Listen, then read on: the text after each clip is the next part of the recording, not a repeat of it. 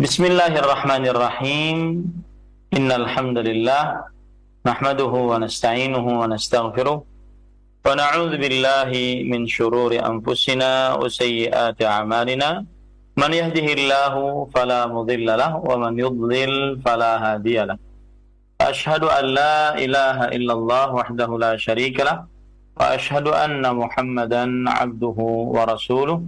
Ya ayyuhalladzina amanu taqullaha حق تقاته ولا تموتن إلا وأنتم مسلمون. يا أيها الناس اتقوا ربكم الذي خلقكم من نفس واحدة وخلق منها زوجها وبث منهما رجالا كثيرا ونساء. واتقوا الله الذي تساءلون به والأرحام إن الله كان عليكم رقيبا. يا أيها الذين آمنوا اتقوا الله وقولوا قولا سديدا يصلح لكم أعمالكم ويغفر لكم ذنوبكم ومن يطع الله ورسوله فقد فاز فوزا عظيما. أما بعد فإن أصدق الحديث كتاب الله وأحسن الهدي هدي محمد صلى الله عليه وعلى آله وسلم وشر الأمور محدثاتها وكل محدثة بدعة kulla bid'atin dhalalah wa kulla dhalalatin finnar. Alhamdulillah kita bersyukur pada Allah Subhanahu wa taala pada hari ini hari Rabu 1 Rabiul Akhir 1444 Hijriah kita masih dimudahkan oleh Allah Subhanahu wa taala untuk mempelajari kitab Fathul Majid Syarhu Kitab Tauhid yang ditulis oleh Fadilatul Syekh Al-Allamah Abdurrahman bin Hasan Al-Syekh rahimahullahu taala. Salawat dan salam semoga selalu Allah berikan kepada Nabi kita Muhammad sallallahu alaihi wa ala alihi wasallam pada keluarga beliau, para sahabat serta orang-orang yang mengikuti beliau sampai hari kiamat kelak. Dengan nama-nama Allah yang husna dan sifat-sifat yang ulia kita berdoa Allahumma Inna nas'aluka ilman nafi'an wa rizqan tayyiban wa amalan mutaqabbala. Allahumma amin. Ahibati fillah, afanillah wa. Masih kita di dalam bab yang ke-17 yaitu bab syafa'ah. Bab tentang syafaat. Dan sebagaimana sudah saya sebutkan bahwa makna dari bab syafaat adalah menjelaskan tentang bahwa syafaat hanya milik Allah Subhanahu wa taala semata, tiada sekutu bagi Allah Subhanahu wa taala. Dan kita juga sudah menjelaskan bahwa hubungan bab ini dengan perkara tauhid adalah bahwa uh, bab ini menunjukkan bukti tauhid bahwa hanya Allah Subhanahu wa taala satu-satunya yang paling berhak untuk diibadahi. Tidak ada yang lebih berhak diibadahi kecuali Allah Subhanahu wa taala. Karena hanya Allah Subhanahu wa taala yang memiliki syafaat. Selain Allah tidak memiliki syafaat. Dan selain Allah tidak seorang pun dapat memberi syafaat tanpa izin Allah Subhanahu wa taala. Tanpa izin Allah Subhanahu wa taala. Dan syafaat maksudnya adalah talabu al khair lil ghair, meminta kebaikan untuk orang lain maka yang meminta kebaikan untuk orang lain tidak bisa meminta kebaikan kecuali dengan izin Allah Subhanahu wa taala dan kecuali diridhai oleh Allah Subhanahu wa taala. Kemudian yang dimintakan kebaikan untuknya tidak bisa mendapatkan doa tersebut kecuali dengan izin Allah Subhanahu wa taala. Itu maksud dari bab ini dan pada pertemuan sebelumnya kita sudah sampai kepada halaman eh, yang ke 280. Kita sudah mempelajari tiga dalil yaitu surat Al-An'am ayat 151 yang menjelaskan bahwa nanti di hari kiamat tidak ada seorang penolong dan tidak ada seorang yang bisa memberikan syafaat. Dan yang dimaksud pada ayat ini surat Al-An'am ayat 51 tersebut maksudnya adalah bahwa Allah merintahkan kepada nabinya untuk memperingatkan orang-orang yang takut kepada Allah dengan Al-Qur'an. Mereka yang selalu ingat bahwa mereka akan diminta pertanggungjawaban dan nanti kelak di hari kiamat tidak ada penolong serta tidak ada pemberi syafaat selain Allah Subhanahu wa taala. Ya, ini menunjukkan bahwa uh, tidak ada yang bisa memberikan syafaat kelak di hari kiamat kecuali dengan izin Allah Subhanahu wa taala. Kemudian kita juga sudah mempelajari uh, dalil yang kedua surat Az-Zumar ayat 44 Qul lillahi syafa'atu jami'an Katakanlah hanya kepunyaan Allah syafaat itu seluruhnya. Ini dalil menunjukkan bahwa Nabi Muhammad sallallahu alaihi wasallam diperintahkan oleh Allah untuk mengatakan kepada orang-orang musyrik bahwa orang-orang musyrik yang bergantung kepada syafaat para nabi, akhirnya mereka meminta beribadah kepada para nabi, padahal para nabi tersebut belum diizinkan untuk memberikan syafaat. Maka eh, katakanlah kepada orang-orang tersebut bahwa syafaat seluruhnya hanya milik Allah Subhanahu wa taala. Seorang pun tidak dapat memberi syafaat di sisi Allah kecuali dengan izinnya. Seseorang tidak bisa memintakan kebaikan untuk orang lain kecuali setelah mendapatkan izin dari Allah Subhanahu wa taala. Ini menunjukkan bahwa uh, tidak ada yang lebih berhak diibadahi kecuali Allah Subhanahu wa taala dan bahwa hanya Allah Subhanahu wa taala yang memiliki syafaat seluruhnya. Kemudian dalil yang ketiga yaitu surah Al-Baqarah ayat 255 ayat kursi man dzalladzi yashfa'u 'indahu illa tiada yang dapat memberi syafaat di sisi Allah tanpa izin Allah Subhanahu wa taala ayat yang ketiga ini menjelaskan bahwa Allah memerintahkan nabinya untuk mengatakan kepada orang-orang musyrik yang bergantung kepada syafaat dan bantuan para nabi dan juga orang-orang saleh bahwasanya mereka tidak dapat memberi syafaat sedikit pun karena syafaat hanya milik Allah dan tidak ada seorang pun yang memberi syafaat di sisinya kecuali dengan izinnya. Ini menunjukkan bahwa hanya Allah yang berhak diibadahi karena syafaat seluruhnya hak khusus bagi Allah Subhanahu wa taala semata. Selain Allah tidak dapat memberi syafaat tanpa izin Allah Subhanahu wa taala. Baik, pada pertemuan kali ini kita membahas dalil yang keempat ya dalil yang keempat yaitu surat An-Najm ayat 26 sebagaimana dalam buku kita halaman 281 silahkan dibuka wa qawluhu wa kam min malakin fis samawat la tughni syafa'atuhum syai'an illa min ba'di an ya'zana Allahu liman yasha'u wa yarda. Surah An-Najm ayat 26 yang artinya adalah yaitu berapa banyak malaikat di langit. Syafaat mereka sedikit pun tidak berguna kecuali sesudah Allah mengizinkan bagi orang yang dikehendaki dan diridhoinya bagi orang yang dikehendaki dan diridhoinya nah ini Inilah uh, dalil yang kedua eh, yang keempat yaitu surat An-Najm ayat 24 ya.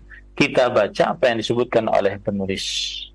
Qala Ibnu Katsirin di dalam syarahnya silahkan diperlihatkan. Qala Ibnu Katsirin rahimahullahu taala. Imam Ibnu Katsir rahimahullah berkata, "Wa qawluhu wa kam min malakin fis samawati la tughni syafa'atuhum syai'an." illa min ba'di an ya'zana Allahu liman yasha wa yarda.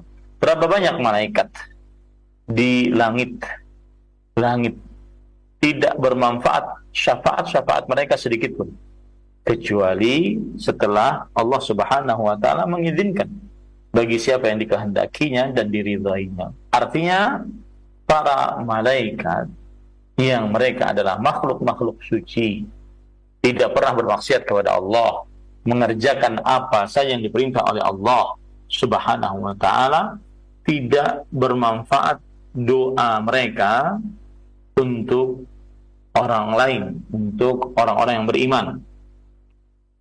Jika Allah Subhanahu wa taala tidak mengizinkan para malaikat untuk memberi syafaat, tidak mengizinkan para malaikat untuk berdoa meminta kebaikan untuk orang lain, tidak meridai para malaikat untuk meminta kebaikan untuk orang lain. Tidak manfaat. Nah, penulis mengatakan hadza kaqaulihi man dzalladzi yashfa'u 'indahu illa bi'idnih wa la tanfa'u syafa'ah 'indahu illa liman udzina lah. Uh, surat An-Najm ayat 26 ini persis seperti surat Al-Baqarah ayat 255 yaitu siapakah yang bisa memberikan syafaat di sisi Allah kecuali dengan izin Allah? Artinya tidak ada yang bisa memberi syafaat. Sampai malaikat makhluk yang suci saja tidak bisa memberi syafaat di sisi Allah kecuali dengan izin Allah Subhanahu wa Kemudian juga berdasarkan uh, ayat yang sebelumnya yaitu uh, Allah Subhanahu wa taala berfirman uh, dan tidak bermanfaat syafaat di sisi Allah kecuali bagi siapa yang diizinkan oleh Allah Subhanahu wa taala untuknya. Baik. Fa idza kana hadza fi haqqil malaikah al-muqarrabin, fa kaifa tarjuna ayyuhal? syafa'ata hadhil andad indallah. Wa huwa lam yashra' ibadatuha. Wala adhina fiha. Bal qad naha anha ala alsinati jami'i rusuli wa anzala bin nahi an dhalika jami'a jami'u kutubi artinya jika hal ini ada hak para malaikat yang dekat ya artinya kedudukan para malaikat yang sangat dekat dengan Allah Subhanahu wa taala ini uh, tidak diperkenankan doa para malaikat sebelum diizinkan oleh Allah Subhanahu wa taala maka bagaimana berharap wahai orang-orang yang tidak faham dan uh, syafaat sekutu-sekutu ini di sisi Allah Subhanahu wa taala. Allah tidak mensyariatkan untuk beribadah kepada berhala-berhala tersebut, tidak mengizinkan juga. Akan tetapi bahkan Allah telah melarang melalui seluruh lisan-lisan para rasulnya. Dan Allah menurunkan larangan tersebut dari kitab-kitab sucinya. Seluruh kitab-kitab sucinya melarang untuk menjadikan sekutu-sekutu bagi Allah Subhanahu wa taala. Nah, ini. Kemudian uh, jadi kalau kita perhatikan dalil yang keempat ini maknanya adalah yaitu Allah menjelaskan begitu banyak malaikat yang kuat dan besar, suci, tetapi syafaat mereka tidak bermanfaat. Jika tidak diizinkan Allah, doanya para malaikat untuk kebaikan seseorang tidak bermanfaat. Jika para malaikat tidak diizinkan oleh Allah, dan juga orang yang diberi syafaat, mereka tidak bermanfaat jika tidak diridhai oleh Allah Subhanahu wa taala. Nah, ya. Jadi ayat ini surah An-Najm ayat 26 adalah dalil yang keempat yang menunjukkan bahwa bukti tauhid dan tidak ada yang berhak diibadahi kecuali Allah karena syafaat seluruhnya adalah hak khusus bagi Allah Subhanahu wa taala.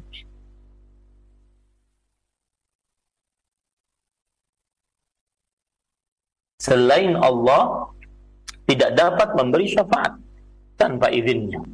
Ayat ini menunjukkan pula kebatilan syirik yang dilakukan oleh kaum musyrikin dengan mendekatkan diri kepada malaikat atau nabi atau orang-orang saleh untuk meminta syafaat dari mereka. Karena bagaimanapun jika para malaikat, para nabi, orang-orang saleh tidak diizinkan oleh Allah, tidak bisa memberi syafaat. Lalu untuk apa seseorang bersandar dengan uh, mendekatkan diri kepada makhluk-makhluk Allah tersebut.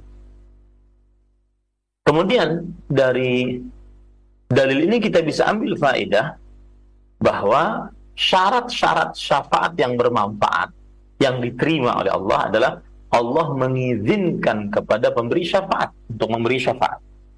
Yang kedua, Allah meridai pemberi syafaat. Yang ketiga, Allah meridai yang diberi syafaat. Saya sering menggambarkan ada malaikat misalkan di tangan kanan saya ini, kemudian ada Allah di atas, ada orang yang ingin diberi syafaat. Maka syafaatnya malaikat, syafaatnya para nabi, syafaatnya Nabi Muhammad sallallahu alaihi wasallam tidak bermanfaat kecuali dengan meminta kecuali dengan izin Allah Subhanahu wa taala. Malaikat atau nabi atau orang saleh diizinkan oleh Allah untuk berdoa kebaikan untuk orang yang diberi syafaat. Ya. Kemudian yang kedua, malaikat atau para nabi atau orang-orang saleh diridhai oleh Allah untuk berdoa kebaikan untuk yang diberi syafaat. Nah, yang ketiga, orang yang diberi syafaat diizinkan eh, diridhai oleh Allah Subhanahu wa taala.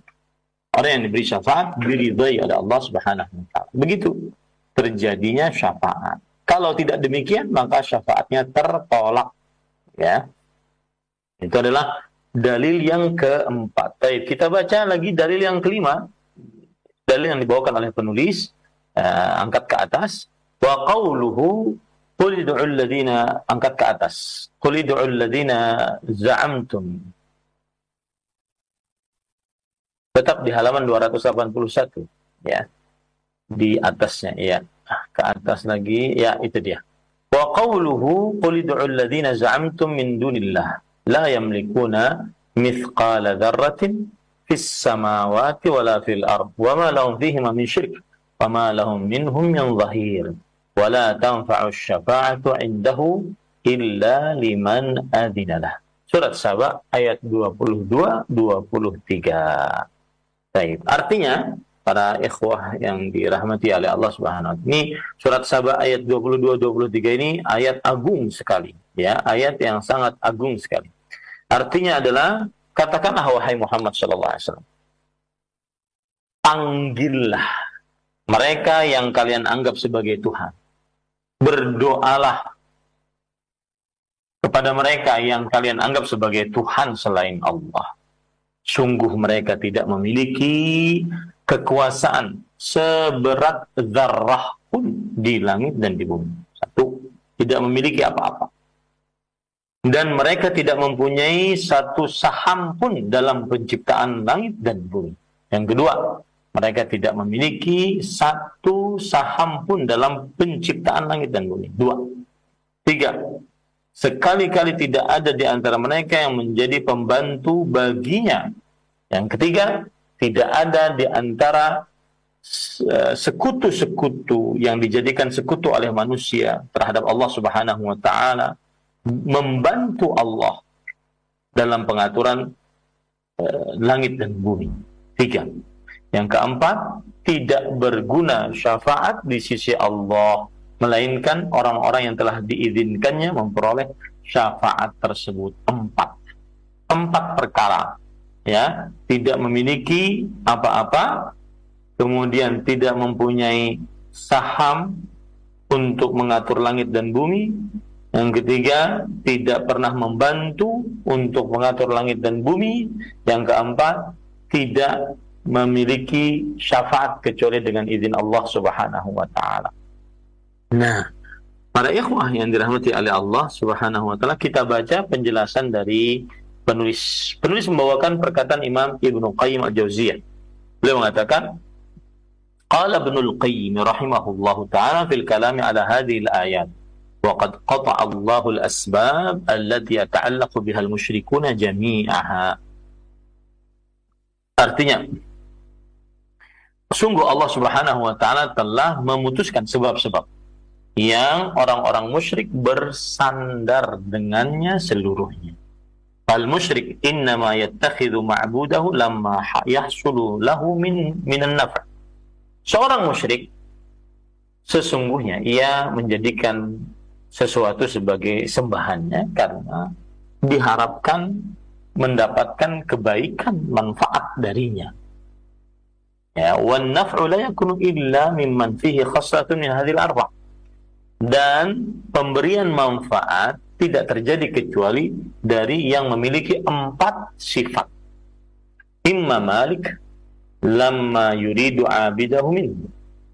Fa inna lam fa in lam yakun malikan kana syarikan lil malik. Yang pertama raja. Ya, raja. Dia berkuasa terhadap hamba-hambanya. Kalau seandainya dia bukan raja, karena syarikan lil malik. Berarti dia pembantu raja. Fa lam yakun syarikan lahu kana mu'inan lahu wa zahiran. Kalau seandainya dia uh, pembantu bukan pembantu raja, maka dia adalah yang menjadi penolong raja. Fa in lam yakun wala zahiran kana syafian indahu. Kalau seandainya bukan raja, bukan teman raja, bukan pembantu raja, penolong raja, maka dia yang memberi rekomendasi kepada raja. Fanafallah subhanahu al fanafallah subhanahu al maratib al arba'a nafyan murattaban. Maka Allah menafikan empat perkara ini dengan secara urutan. Mutanaqqilan inal a'la ila adna. Dari paling atas sampai paling bawah. Fanafal mulk. Wasyarikata wal mudaharata wasyafa'ata allati yatlubuha al musyrik. Maka Allah menafikan kerajaan kemudian teman dari raja kemudian penolong dari raja kemudian syafaat untuk raja yang sering diminta oleh orang-orang musyrik. Wa asbata syafa'ata la nasib syafa'atan la nasiba fiha li musyrik wa hiya syafa'atu bi'izni. Dan Allah menetapkan syafaat yang tidak dimiliki oleh orang musyrik siapa pun yaitu syafaat dengan izin Allah Subhanahu wa taala. Fakafa al-ayati nuran wa burhanan. Cukup dengan ayat ini sebagai cahaya dan petunjuk wa tajridan litauhid dan uh, pemurnian terhadap tauhid wa qat'an li usuli syirik wa mawaddihi liman aqalaha dan benar-benar menutup kepada pokok-pokok kesyirikan dan juga mawaddihi li an dan juga materi-materi kesyirikan bagi siapa yang memahaminya. Wal Qur'anu mamlu'un min amsariha wa nadhairiha dan Al-Qur'an ini terisi dengan yang semisal dengan ayat-ayat tersebut dan serupa dengan ayat-ayat tersebut. Walakin aktsaran nasi la yash'urun bi dukhulil waqi'i tahtahu wa tadammunihi lahu wa yadhunnunaha fi naw wa qaumun qad khalu min qabl walam yu'qibu warithan. Akan tetapi kebanyakan manusia tidak menyadarinya dengan masuknya kenyataan di bawahnya dan mengandung untuknya dan mereka mengira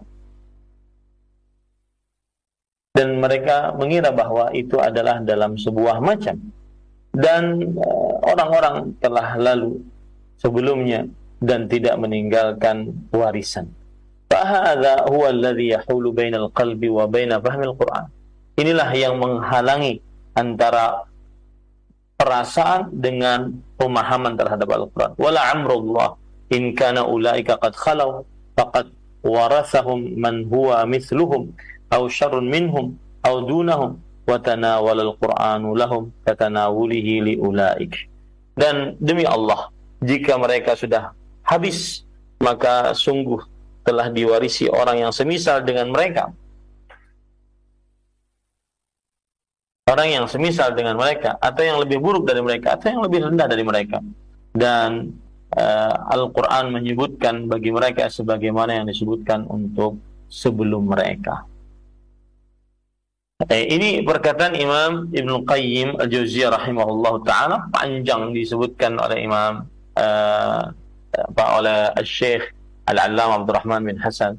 Thumma qal, lalu Imam Al-Qayyim berkata lagi, wa min anwa'ihi termasuk dari macam-macam kesyirikan talabul hawaiji minal mauta wal istighatsatu bihim meminta hajat-hajat kepada orang yang sudah mati dan beristighatsah kepada mereka yang sudah mati.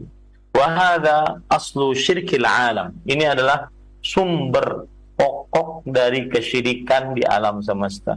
Fa innal mayyita qad inqata'a amaluh. Sesungguhnya orang yang sudah mati terputus amalnya. Wa huwa la yamliku li nafsihi naf'an wala dharran. Dan yang sudah mati tidak memiliki untuk dirinya pemberian manfaat atau menahan mudarat. Fadlan amman istaghatha bihi. Apalagi kepada orang yang beristighatsah dengannya. Untuk dirinya saja dia tidak bisa.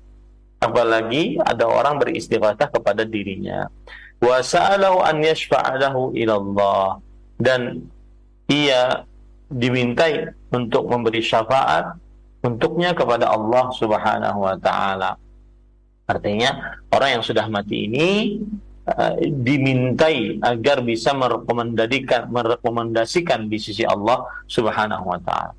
Wa hadza min jahlihi bisyafi'i wal mashfu'i indahu. Dan ini termasuk ketidaktahuan tentang orang yang memberi syafaat dan orang yang diberi syafaat di sisinya.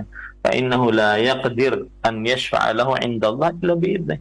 Sesungguhnya ia tidak sanggup untuk memberi syafaat untuknya di sisi Allah kecuali dengan izin Allah Subhanahu wa taala. Wallah lam yaj'al istighatsatahu wa su'alahu sababan li'idnih.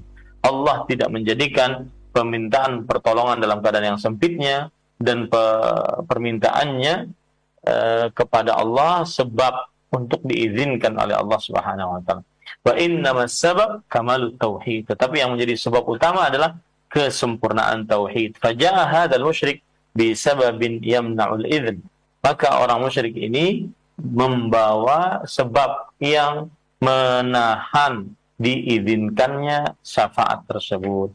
Wa huwa bimanzilati man ista'ana fi hajatihi bima yamna'u husulaha wa hadhihi halatu kulli musyrikin dan dia seperti kedudukan orang yang meminta pertolongan dalam hajat-hajatnya dengan sesuatu yang menahan terjadinya hajat-hajat tersebut.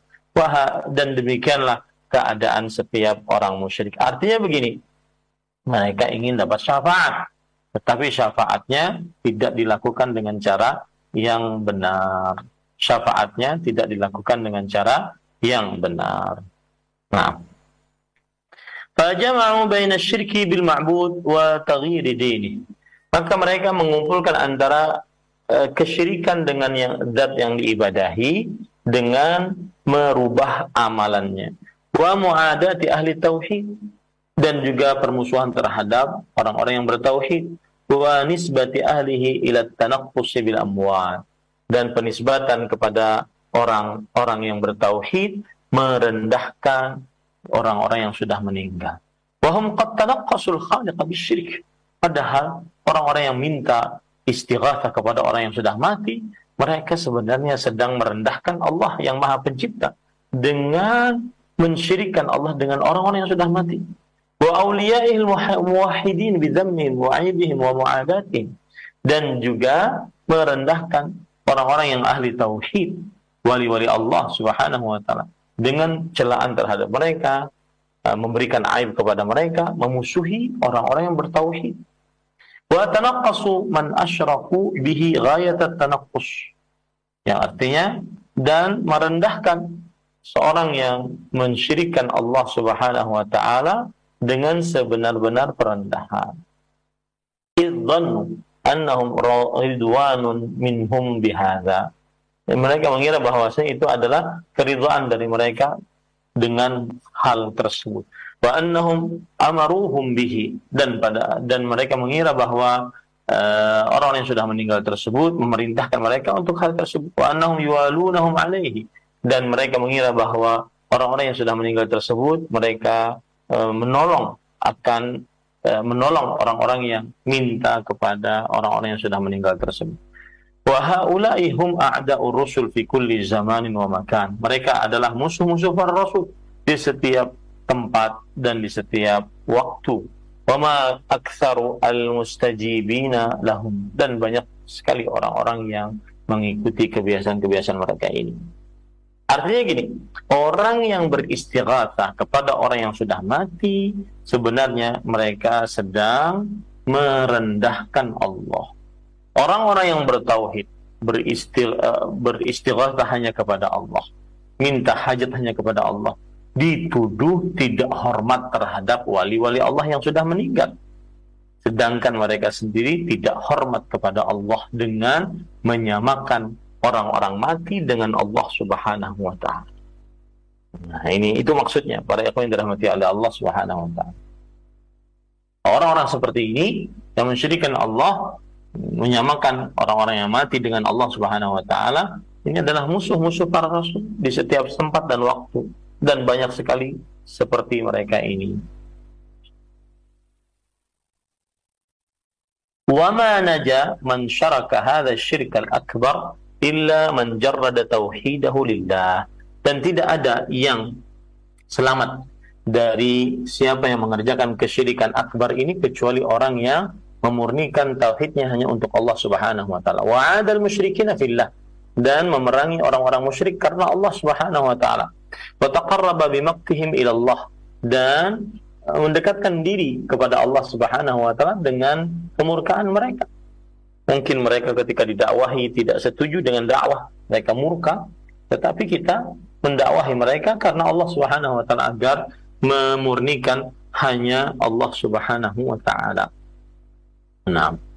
Kemudian para ikhwan yang dirahmati oleh Allah Subhanahu wa taala, wa uh, wattakhadha Allah wahdahu waliyahu wa ilahahu wa ma'budahu.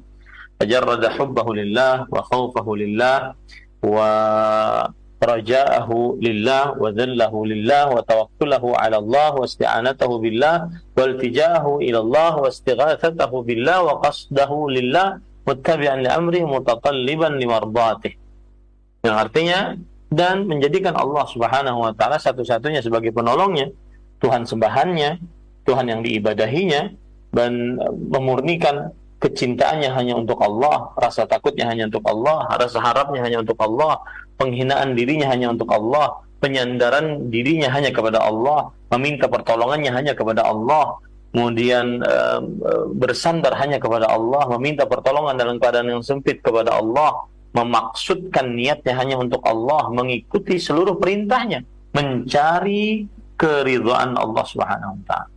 Idza sa'ala sa'ala Allah jika dia minta mintalah kepada Allah. Wa ista'ana ista'ana billah jika dia minta tolong minta tolonglah kepada Allah. Wa idza amila amila lillah jika dia beramal maka beramal hanya untuk Allah. Fahuwa lillah wa billah wa ma'allah. Maka orang seperti ini yang bertauhid seperti ini amalannya hanya untuk Allah dan minta tolong hanya kepada Allah dan selalu bersama dengan Allah Subhanahu wa taala. Nah, ini para ikhwan yang dirahmati oleh Allah. Wah, itulah perkataan Imam Ibnu Qayyim Al-Jauziyah rahimahullahu taala mengomentari ayat-ayat yang sudah disebutkan tadi. Wa hadha alladhi dzakarahu hadzal imamu fi makna hadhihi al-ayati huwa haqiqatu dinil Islam. Yang disebutkan oleh Imam Ibnu Qayyim rahimahullah tadi adalah sebenarnya hakikat agama Islam. Sebagaimana firman Allah dalam surah An-Nisa ayat 125, "Wa man ahsanu dinan mimman aslama wajhahu lillah wa huwa muhsin." wattaba'a millata Ibrahim hanifan fattakhadallahu Ibrahim khalila. Siapakah yang lebih baik agamanya dari orang yang menyerahkan diri, menyerahkan wajahnya hanya untuk Allah dan dia berbuat ihsan dan mengikuti ajaran Nabi Ibrahim dengan lurus menjadikan Allah eh, dan Allah menjadikan Nabi Ibrahim sebagai kekasihnya. Nah, ini perkataan Imam Ibnu Qayyim yang panjang tadi sama dengan surat An-Nisa ayat 125 yaitu yang paling baik amalannya adalah yang berserah diri kepada Allah Subhanahu wa taala kemudian beramal saleh dan mengikuti ajaran Nabi Muhammad Nabi Ibrahim alaihissalam yaitu bertauhid yang lurus hanya kepada Allah Subhanahu wa taala. Nah, Kemudian penulis membawakan perkataan Abu Abbas. Abu Abbas Ya, kita baca dulu di halaman 283 di atas. Di atas ya. Silahkan ke atas. Iya. Qala Abu Abbas. Abu Abbas berkata, "Nafallahu amma siwahu kulla ma yata'allaqu bihil musyrikin." Allah menafikan selain Allah Subhanahu wa taala. Setiap apa saja yang orang-orang musyrik bergantung padanya. Allah nafikan ini. Fanafa an yakuna li ghairihi milkun aw qistun minhu aw yakunu aunan lillah wa lam yabqa illa syafa'ah.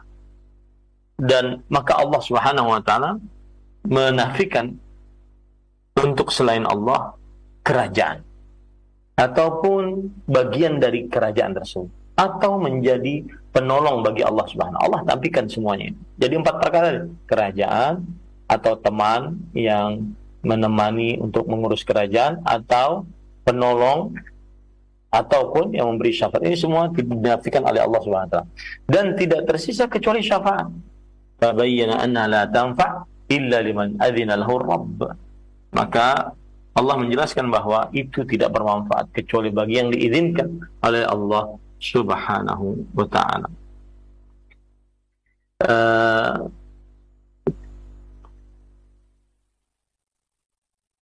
kita baca apa yang disebutkan oleh penulis di dalam penjelasannya. Silahkan ke bawah.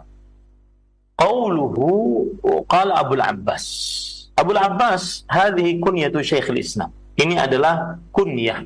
Kunyah itu maksudnya uh, setiap kata yang diawali dengan abu atau ummu. Abu fulan, ummu fulana, ya. Ini namanya kunyah. Abdul Abbas kunyahnya Syekhul Islam. Siapa Syekhul Islam? Namanya Ahmad Ibnu Abdul Halim Ibni Abdul Salam Ibni Taimiyah Al-Harrani Imamul Muslimin Rahimahullah Beliau adalah Ahmad bin Abdul Halim bin Abdul Salam bin Taimiyah Al-Harrani ya, Pemimpin uh, ulama dari kaum muslimin Rahimahullah Ketika uh, Syekhul Islam berkata tadi Nafallahu amma siwahu kulla ma yata'allaqu bihil musyrikin. Allah menafikan selain Allah setiap yang orang-orang musyrik bergantung padanya. Fanafa an yakuna li ghairihi milkun aw qistun minhu aw yakunu aunan lillah. Maka Allah Subhanahu wa taala menafikan untuk selainnya kerajaan atau bagian dari kerajaan tersebut atau menjadi penolong untuk Allah Subhanahu wa. Allah menafikan semuanya. Nah, maka tidak falam ya baqa illa sah. Tidak ada yang tersisa kecuali uh, syafa'ah maksudnya. Kecuali syafaat. Fabayyana annaha la tanfa' illa liman adina lahu. Maka Allah Subhanahu wa taala menjelaskan bahwa itu semua tidak bermanfaat. Syafaat itu tidak bermanfaat kecuali bagi siapa yang diizinkan oleh Allah Subhanahu wa taala. Kama qala ta'ala, "Wala yashfa'una illa liman irtada." sebagaimana Allah Subhanahu wa taala berfirman bahwa mereka tidak bisa memberi syafaat kecuali bagi siapa yang mereka ridhai. Bagi siapa yang diridhai oleh Allah Subhanahu wa taala. فهذه الشفاعة التي يظلمها المشركون هي منفية منتفية يوم القيامة.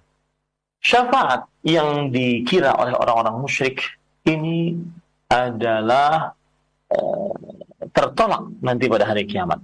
Kama nafahal Quran. Sebagaimana yang dinafikan, ditolak oleh Al-Quran. Wa akhbaran Nabi sallallahu alaihi wasallam dan Nabi Muhammad sallallahu alaihi wasallam memberitahukan annahu ya'ti fa yasjudu rabbih wa yahmadu la yabda'u bisyafa'ati awalan. Bahwa beliau datang kemudian sujud untuk Allah Subhanahu wa taala dan memuji Allah Subhanahu wa taala dan beliau tidak memberi syafaat langsung pertama kali.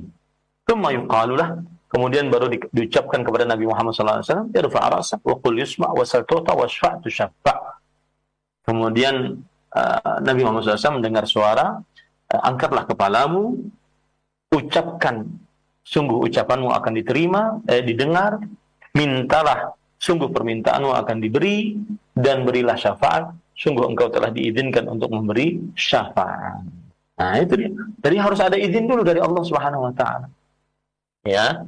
Jadi kan pemikiran orang-orang yang mensyirikan Allah itu begini, kami minta syafaat kepada orang-orang yang sudah mati. dengan asumsi nanti orang yang sudah mati ini bisa memberikan syafaat di sisi Allah. Kalau kita katakan ini nggak boleh karena satu minta syafaat itu doa, minta hanya kepada Allah karena Allah memberi syafaat.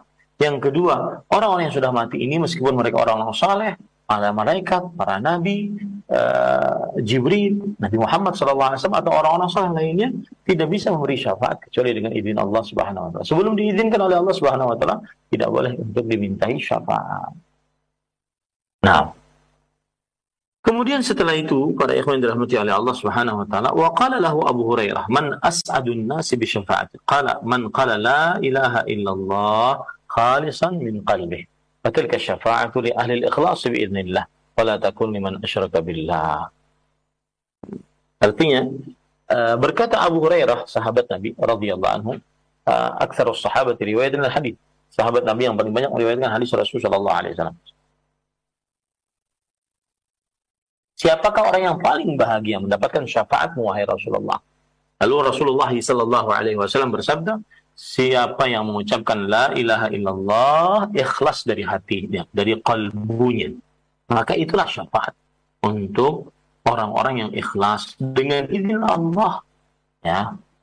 Orang yang ikhlas dalam amal ibadahnya dengan izin Allah dan syafaat tidak diberikan bagi siapa yang mensyirikan Allah Subhanahu wa taala. Syafaat tidak diberikan bagi siapa yang mensyirikan Allah Subhanahu wa taala. Baik. Kemudian penulis mengatakan wa haqiqatuha anna Allah subhanahu wa ta'ala huwa alladhi yatafaddalu ala ahli al-ikhlas. Fa yughfaru fa yaghfiru lahum biwasitati du'a man adina lahu an yashfa.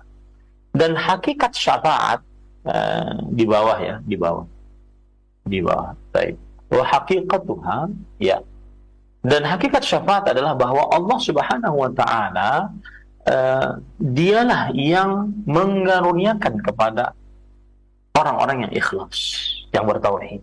Maka Allah mengampuni orang-orang yang ikhlas dengan perantara doa seorang yang diizinkan untuk memberi syafaat. Liyukrimahu wa yanal maqamal mahmud. Uh, Allah memuliakannya dan akhirnya dia mendapatkan tempat yang terpuji. Fasyafa'atul lati nafahal Qur'an maka nafiha syirik syafaat yang ditolak oleh Al-Quran yang di dalamnya ada kesyirikan. Walihada asfat syafa'ah biiznih fi mawadhi' oleh sebab itulah Allah Subhanahu wa taala menetapkan syafaat dengan izin Allah dalam beberapa tempat di dalam Al-Qur'an. Faqad bayyana Nabi sallallahu alaihi wasallam annaha la takun illa li ahli tauhid wal ikhlas. Dan sungguh telah jelas eh, telah dijelaskan oleh Nabi Muhammad SAW bahwa syafaat tidak terjadi kecuali bagi orang-orang yang bertauhid dan mengikhlaskan ibadah hanya kepada Allah Subhanahu wa taala.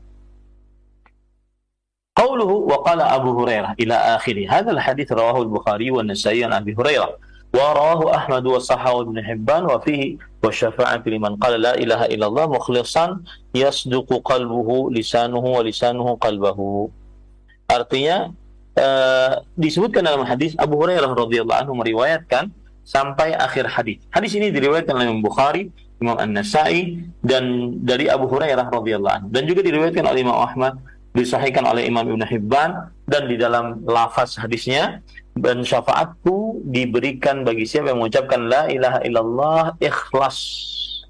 Ikhlas. Dengan cara uh, lis hatinya membenarkan apa yang ada di dalam lisan eh, melalui lisannya dan lisan yang membenarkan apa yang ada dalam kalbunya. Nah. Ini para ikhwan yang dirahmati oleh Allah Subhanahu wa taala. Baik. Kemudian penulis mengatakan wa syahiduhu fi sahih Muslim an Abi Hurairah radhiyallahu anhu qala qala Rasulullah sallallahu alaihi wasallam li kulli nabiyyin da'watun mustajabah fa ta'ajjala kullu nabiyyin da'watah wa in ikhtaba'tu da'wati syafa'atan li ummati yaumil qiyamah fahiya nailatan insyaallah man mata la yusyriku billahi syai'an.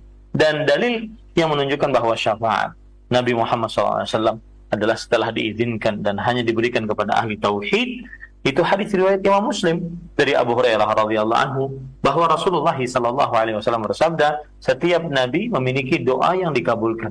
Maka setiap nabi menyegerakan doanya dan sungguh aku simpan doaku sebagai bentuk syafaat untuk umatku nanti pada hari kiamat. Maka ia akan didapatkan syafaat tersebut akan didapatkan bagi siapa yang mati tidak mensyirikan Allah Subhanahu wa taala dengan sesuatu apa pun.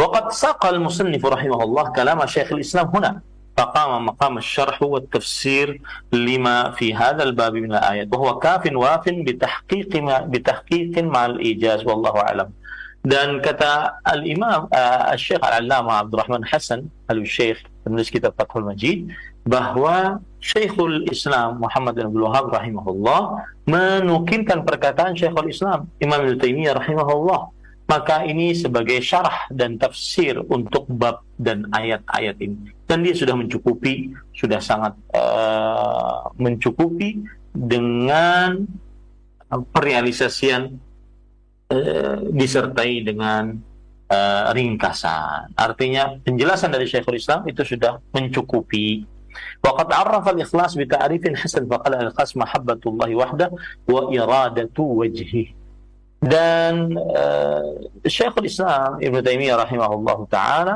telah mendefinisikan ikhlas dengan definisi yang indah. Beliau mengatakan al-ikhlas mahabbatullahi wahda. Mencintai Allah semata dan menginginkan wajahnya. Mencintai Allah semata dan menginginkan wajahnya. Nah, baik. Wa qala Ibnu Al-Qayyim rahimahullah fi makna hadis Abi Hurairah radhiyallahu anhu تأمل هذا الحديث كيف جعل أعظم الأسباب التي تنال بها شفاعة تجريد التوحيد. أقصى ما عند المشركين أن الشفاعة تنال باتخاذهم شفعاء وعبادتهم وموالاتهم. فقلب النبي صلى الله عليه وسلم في زعمهم الكاذب وأخبر أن سبب الشفاعة تجريد التوحيد فحينئذ يأذن الله للشافع أن يشفع.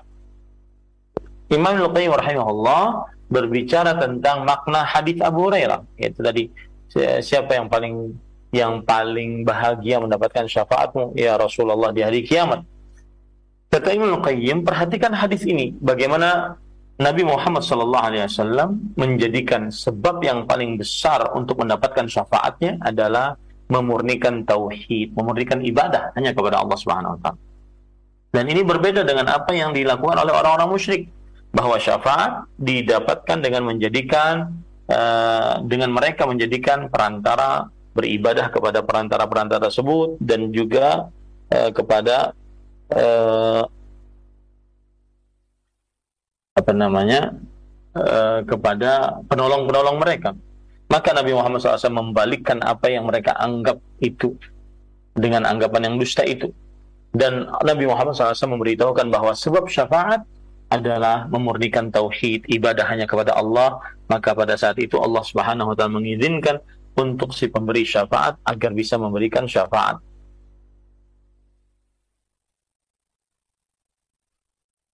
ومن جهل المشرك اعتقاده أن من اتخذه وليا أو شفيعا أنه يشفع له وينفعه عند الله dan termasuk kekeliruan orang-orang musyrik adalah keyakinan ia bahwa Uh, siapa yang ia jadikan sebagai wali atau pemberi syafaat bahwa ia akan memberikan syafaat untuknya dan bermanfaat untuknya di sisi Allah Subhanahu wa taala. Kama yakunu khawasul wulati wal muluki tanfa'u man walahum. Sebagaimana yang terjadi pada khawasul wulat. Orang-orang yang khusus dari para uh, apa namanya para wali dan juga para raja. Tanfa'u man walahu akan bermanfaat bagi siapa yang menolong mereka. Falam ya'lamu annahu la yasha'u indahu ahadun illa bi'idnihi bisyafa'ah. Dan mereka tidak mengetahui bahwasanya tidak ada yang bisa memberi syafaat di sisi Allah Subhanahu wa taala seorang pun kecuali dengan izin Allah Subhanahu wa taala untuk bisa memberi syafaat. Wala ya'dzanu fi syafa'ati illa liman man radhiya qawlahu wa 'amalahu. Dan Allah tidak memberikan izin untuk memberi syafaat kecuali bagi siapa yang diridhai oleh Allah Subhanahu wa taala ucapan dan perbuatannya. Kama qala fil fasl awal man dzalladzi yashfa'u indahu illa bi'idznih. Bagaimana disebutkan dalam uh, pasal yang pertama, siapakah yang bisa memberikan syafaat di sisi Allah Subhanahu wa taala kecuali dengan izin Allah Subhanahu wa taala. Baik. Uh, Wa fil fasl tsani dan pada pasal yang kedua wa qawluhu wa la yashfa'una illa liman irtada dan mereka tidak bisa memberi syafaat kecuali bagi siapa yang diridhai oleh Allah. Wa baqiya faslun tsalits wa huwa annahu la yarda min al-qawl wal 'amal illa idza tauhidahu wa ittiba'u rasulih fa hadhihi thalathatu fusulin taqta'u shajarat asy-syirk min qalbi min qalbin. Man qallaba min aqliha wa ra'aha. Man aqalaha wa ra'aha ini adalah dan tersisa pasal yang ketiga yaitu Allah tidak meridai udah ucapan dan perbuatan kecuali tauhidnya dan mengikuti rasulnya. Maka inilah tiga pasal tiga pokok yang me, menebang pohon kesyirikan dari hati orang yang berpikir dan juga mengetahui. Dari hati orang yang berpikir dan juga orang yang memahaminya. Nah ini para ikhwah Kemudian setelah itu uh, intinya tadi syarat syafaat itu tiga. Yang pertama Allah mengizinkan si pemberi syafaat agar bisa memberi syafaat. Yang kedua Allah meridhai si pemberi syafaat. Kemudian Allah meridhai orang yang diberi syafaat. Baru terjadi syafaat. Ya, baru bisa orang yang ingin memberi syafaat berdoa kepada Allah kebaikan untuk orang yang diberi syafaat tersebut.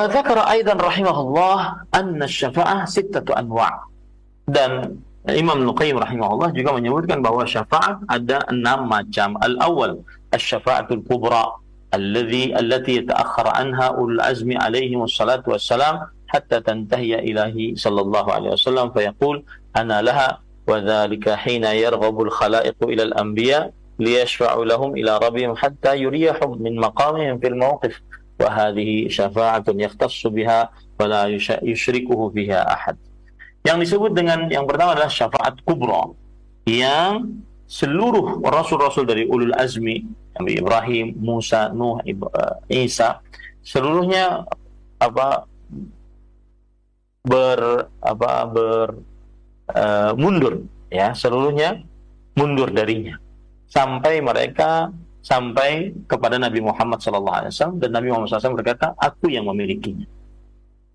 Dan itulah itu terjadi saat seluruh makhluk manusia dan jin pergi kepada para nabi agar uh, para nabi tersebut memberi syafaat untuk mereka kepada Rabb mereka sampai uh, Allah Subhanahu wa taala memberikan uh, kenyamanan kepada seluruh makhluk dari kedudukan mereka saat di padang mahsyar Nah, syafaat ini khusus yang dimiliki oleh Rasulullah SAW tidak ada yang menyamainya seorang pun. Tidak ada yang menyamainya seorang.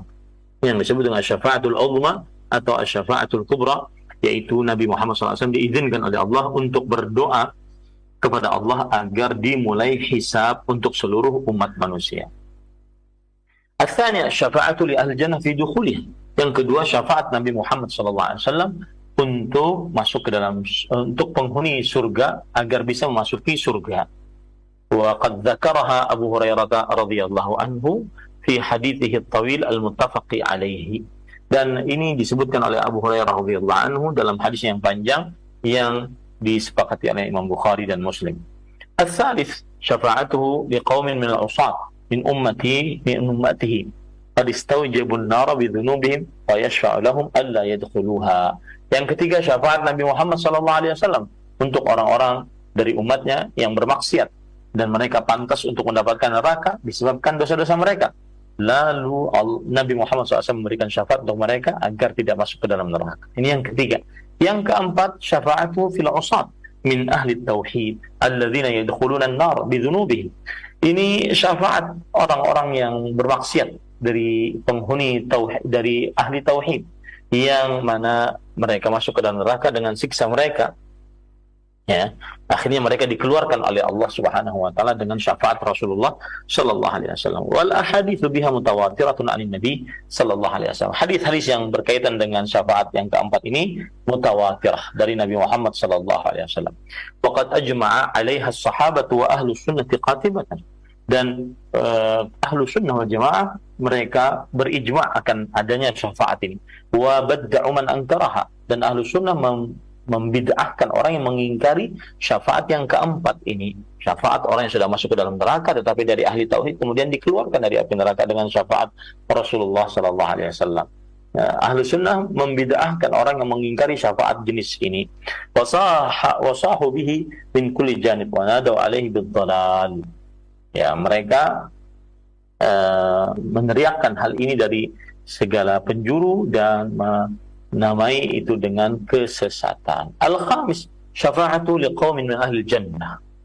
Min ahli jannah syafaat Nabi Muhammad SAW untuk orang-orang penghuni surga fi ziyadati thawabim wa raf'ati darajatihim untuk mereka mendapatkan uh, tambahan pahala dan uh, peninggian derajat derajat. Wa hadhihi mimma lam yunaza fihi ahad.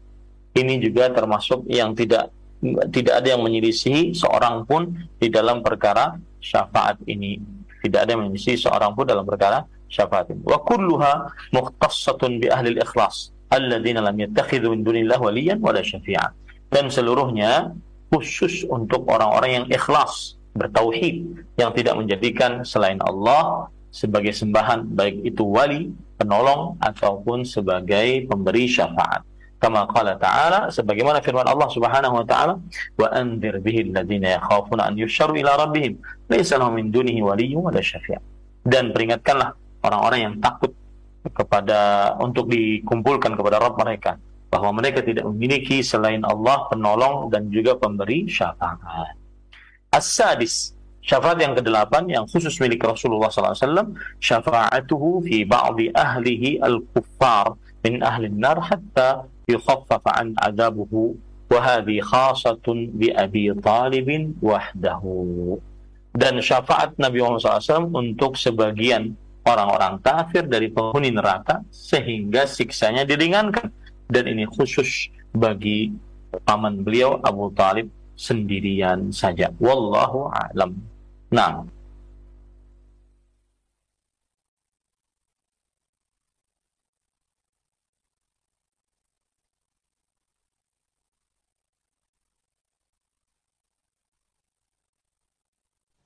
Ustaz Barakallahu Fikum wa jazakallahu khairan. Terima kasih atas pelajarannya dan bimbingan yang telah disampaikan di kesempatan pagi hari ini. Semoga Allah senantiasa melimpahkan rahmat keberkahan dan taufik untuk kita semuanya untuk bisa memahami pelajarannya dan juga mengamalkannya dalam rangka ketaatan dan mengikuti sunnah Nabi Shallallahu Alaihi Wasallam. Selanjutnya silahkan bagi anda yang ingin bertanya seputar pembahasan ini kami tunggu pertanyaannya baik itu via telepon di 021 8236543 atau pesan singkat di 0819896543. Silahkan bagi telepon yang pertama. Halo.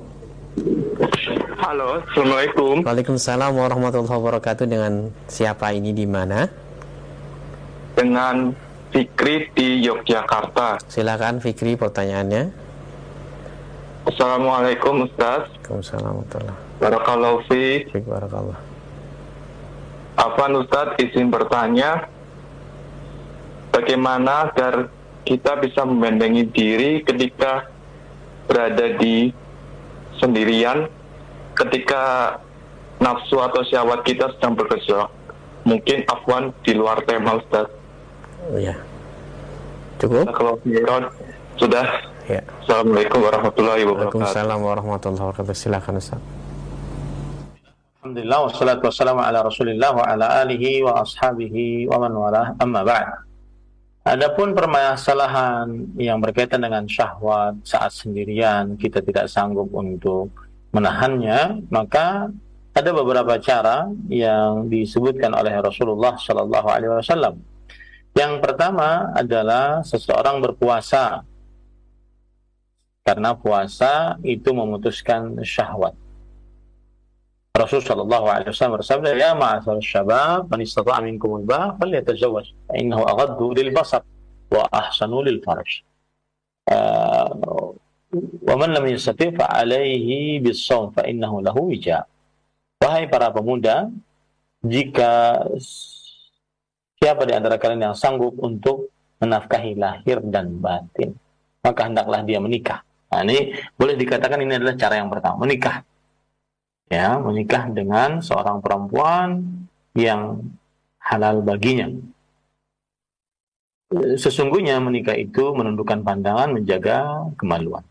Kemudian yang kedua adalah seseorang jika tidak sanggup maka berpuasa. Puasa itu adalah mengebiri syahwatnya. Ini dua cara disebutkan oleh Rasulullah SAW agar saat sendirian dia tidak bermaksiat kepada Allah Subhanahu wa taala. Kemudian yang kedua adalah mengingat keutamaan-keutamaan untuk bertakwa kepada Allah saat sendirian. Seperti misalkan Allah Subhanahu wa taala berfirman tentang orang-orang yang takut kepada Allah Subhanahu wa taala dalam keadaan gaib. Seperti Allah berfirman dalam Al-Qur'an uh, surat Al-Anbiya ayat 49 yaitu alladzina yakhshawna rabbahum bil ghaib wa hum minas saati mushfiqun. Orang-orang yang takut akan siksa Allah Subhanahu wa taala. Sedangkan mereka tidak melihat Allah Subhanahu wa taala. Ini mereka ini adalah disebut sebagai orang-orang yang bertakwa kepada Allah jadi jika Anda mengaku orang yang bertakwa kepada Allah Subhanahu wa taala, maka salah satunya adalah beriman kepada Allah walau saat sendirian, takut kepada Allah Subhanahu wa taala walau saat sendirian. Begitu juga dalam surat Yasin ayat 11. Uh, innama tunziru man ittaba'a dzikra wa khasyar rahmana bil ghaib Fabashirhu bimaghfirah wa ajrin karim. Sesungguhnya kamu hanya memberi peringatan kepada orang-orang yang mau mengikuti peringatan dan yang takut kepada Allah yang Maha Pemurah walaupun orang tersebut tidak melihat Allah Subhanahu wa taala. Dalam dia takut dalam keadaan gaib. Dia tidak melihat Allah tetapi dia takut kepada Allah. Maka orang seperti ini berilah kabar gembira dengan mendapatkan ampunan dari Allah dan pahala yang mulia dari Allah Subhanahu wa taala. Begitu juga dalam surat Qaf ayat 33. Allah Subhanahu wa taala berfirman, "Wa uzlifatil jannatu lil muttaqina ghaira ba'id." Hadza ma tu'aduna likulli awwabin hafiz man khasyiya ar-rahmana bil ghaib wa jaa'a biqalbin munib. Dan didekatkan surga kepada orang-orang yang bertakwa pada tempat yang tidak jauh dari mereka. Inilah yang dijanjikan kepada kalian, yaitu kepada setiap hamba yang selalu kembali kepada Allah dan memelihara seluruh peraturan-peraturan Allah. Yaitu orang-orang yang takut kepada Allah yang Maha Pemurah, sedang Allah Subhanahu wa taala tidak bisa dia lihat. Takut saat sendirian, ya ini pahalanya besar di sisi Allah Subhanahu wa taala. Pahalanya besar di sisi Allah Subhanahu wa taala. Jadi kalau kita lihat tadi yang takut sisi Allah saat sendirian maka dia disebut sebagai orang bertakwa, bertakwa tempatnya dalam surga. Yang kedua, dia diberikan kabar gembira mendapatkan maghfirah dan pahala yang besar di sisi Allah Subhanahu wa taala. Kemudian yang ketiga dijanjikan surga Allah Subhanahu wa taala yang dekat dengannya. Kemudian juga dalam surat Al-Mulk ayat uh, 12. Innal ladzina yakhshawna rabbahum bil lahum maghfirah wa ajrun. Sesungguhnya orang-orang yang takut kepada Rabbnya yang nampak oleh mereka, yang tidak nampak oleh mereka, mereka akan memperoleh ampunan, maghfirah dan pahala yang besar. Nah, itu kiat yang kedua. Kiat yang ketiga agar seseorang tidak bermaksiat saat sendirian adalah meyakini bahwa maksiat saat sendirian menghapuskan pahala dari Allah Subhanahu wa taala. Pahala-pahala yang dikumpulkan itu terhapuskan akibat seseorang bermaksiat saat sendirian. Ya, saat sendirian. Bagaimana hadis riwayat Imam Ibnu Majah bahwa Rasulullah sallallahu alaihi wasallam bersabda dari hadis Tauban radhiyallahu anhu bahwa Rasulullah sallallahu alaihi wasallam bersabda la a'lamanna aqwaman min ummati uh, ya'tuna yaumal qiyamah bi hasanati bi hasanatin amsali jibali tihamata biyadan fayaj'aluha Allah azza wa jalla haba'an mansura sungguh aku akan beritahukan orang-orang dari umatku di mereka umat Islam datang pada hari kiamat dengan pahala-pahala semisal gunung-gunung Tihamah. Gunung-gunung Tihamah adalah gunung-gunung yang ada di e, negeri Yaman. Sangat putih pahalanya besar-besar. Lalu Allah jadikan pahala-pahala tersebut sebagai debu-debu yang berterbangan. Tauban radhiyallahu anhu berkata, "Sifhum lana, jallihim lana, alla nakuna minhum wa nahnu la na'lam." Sifati mereka untuk kami, jelaskan mereka kepada kami agar kami tidak seperti mereka dan kami dalam keadaan kami tidak menyadarinya.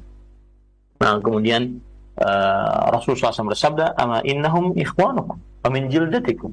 Mereka adalah saudara kalian seiman dan mereka adalah dari manusia. Ya'khuduna min al-lail kama ta'khudun. Mereka salat malam sebagaimana mereka kalian beribadah di malam hari walakinnahum aqwamun idza khalau bi maharimillah intahakuha akan tetapi mereka adalah orang-orang yang jika bersendirian dengan hal-hal yang diharamkan oleh Allah maka mereka akan melanggar larangan-larangan tersebut. Nah, yang keempat yang terakhir yaitu seseorang eh, jadi yang kelima ya. Yang pertama itu tadi eh, nikah, kemudian yang kedua puasa, kemudian yang ketiga mengingat pahala orang-orang yang uh, bertakwa saat sendirian. Yang keempat, mengingat ancaman siksa bagi orang yang bermaksiat saat sendirian. Yang kelima, takut akan su'ul khatimah. Bermaksiat saat sendirian, dikhawatirkan dia mati dalam keadaan yang buruk. Wallahu alam. Ini kira-kira yang bisa saya sampaikan. Wallahu alam. Sallallahu alaihi Muhammad. Walhamdulillahi rabbil alamin. Wassalamualaikum warahmatullahi wabarakatuh.